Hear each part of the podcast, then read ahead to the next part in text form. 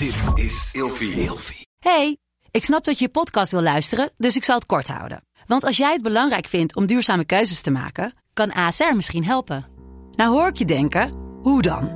Nou, bijvoorbeeld bij het duurzaam herstellen van schade. Of de premies die we beleggen volgens ons duurzaam beleggingsbeleid. Dat bepaalt waar we wel en juist niet in investeren. Wil je meer weten over welke duurzame keuzes ASR maakt? Ga dan naar asr.nl slash duurzame keuzes. ASR doet het. Zo, dan kan je nu lekker naar je podcast luisteren. Of je nu samen slaapt of alleen, een goede nachtrust is essentieel voor een goede relatie met jezelf en de ander. Emma Sleep komt nu dan ook met een hele fijne korting, waardoor je koninklijk kan slapen. Met de code RELATIEVRAGEN in hoofdletters krijg je 10% korting bovenop de 50% korting die je nu krijgt op het bed dat ik bijvoorbeeld heb. De Emma Storage Deluxe Boxspring. Handig voor als je goed wil slapen en extra opbergruimte wil. Dus ga snel naar emmasleep.nl en bestel jouw bed.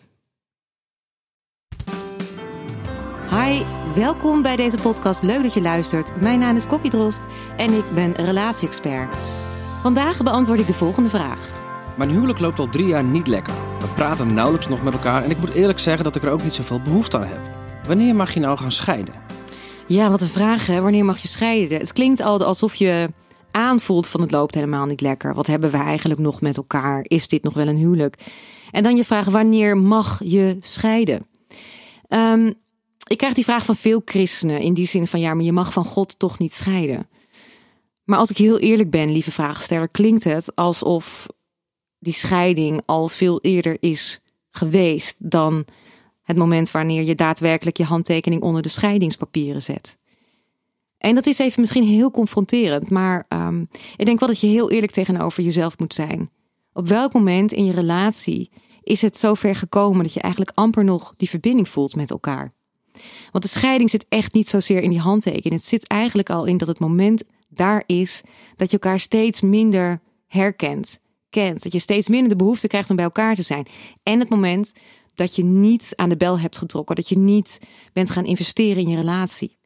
En weet je, misschien is dat niet te laat. Misschien kun je juist, zodat ik je hier nu even mee confronteer, alsnog besluiten: ik wil hiervoor gaan. Ik wil hem weer vinden. Ik wil weer dat we elkaar vinden. Dat we onze relatie op een nieuwe manier liefde inblazen. En ik weet niet of dat kan. Ik weet niet of je daar de mogelijkheden toe ziet. Maar de vraag: mag je scheiden, is eigenlijk helemaal niet relevant.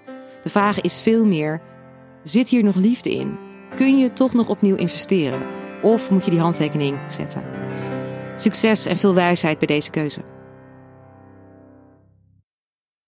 Met de code RELATIEVRAGEN in hoofdletters krijg je 10% korting bovenop de 50% korting die je nu krijgt op het bed dat ik bijvoorbeeld heb. Dus ga snel naar emmasleep.nl en bestel jouw bed.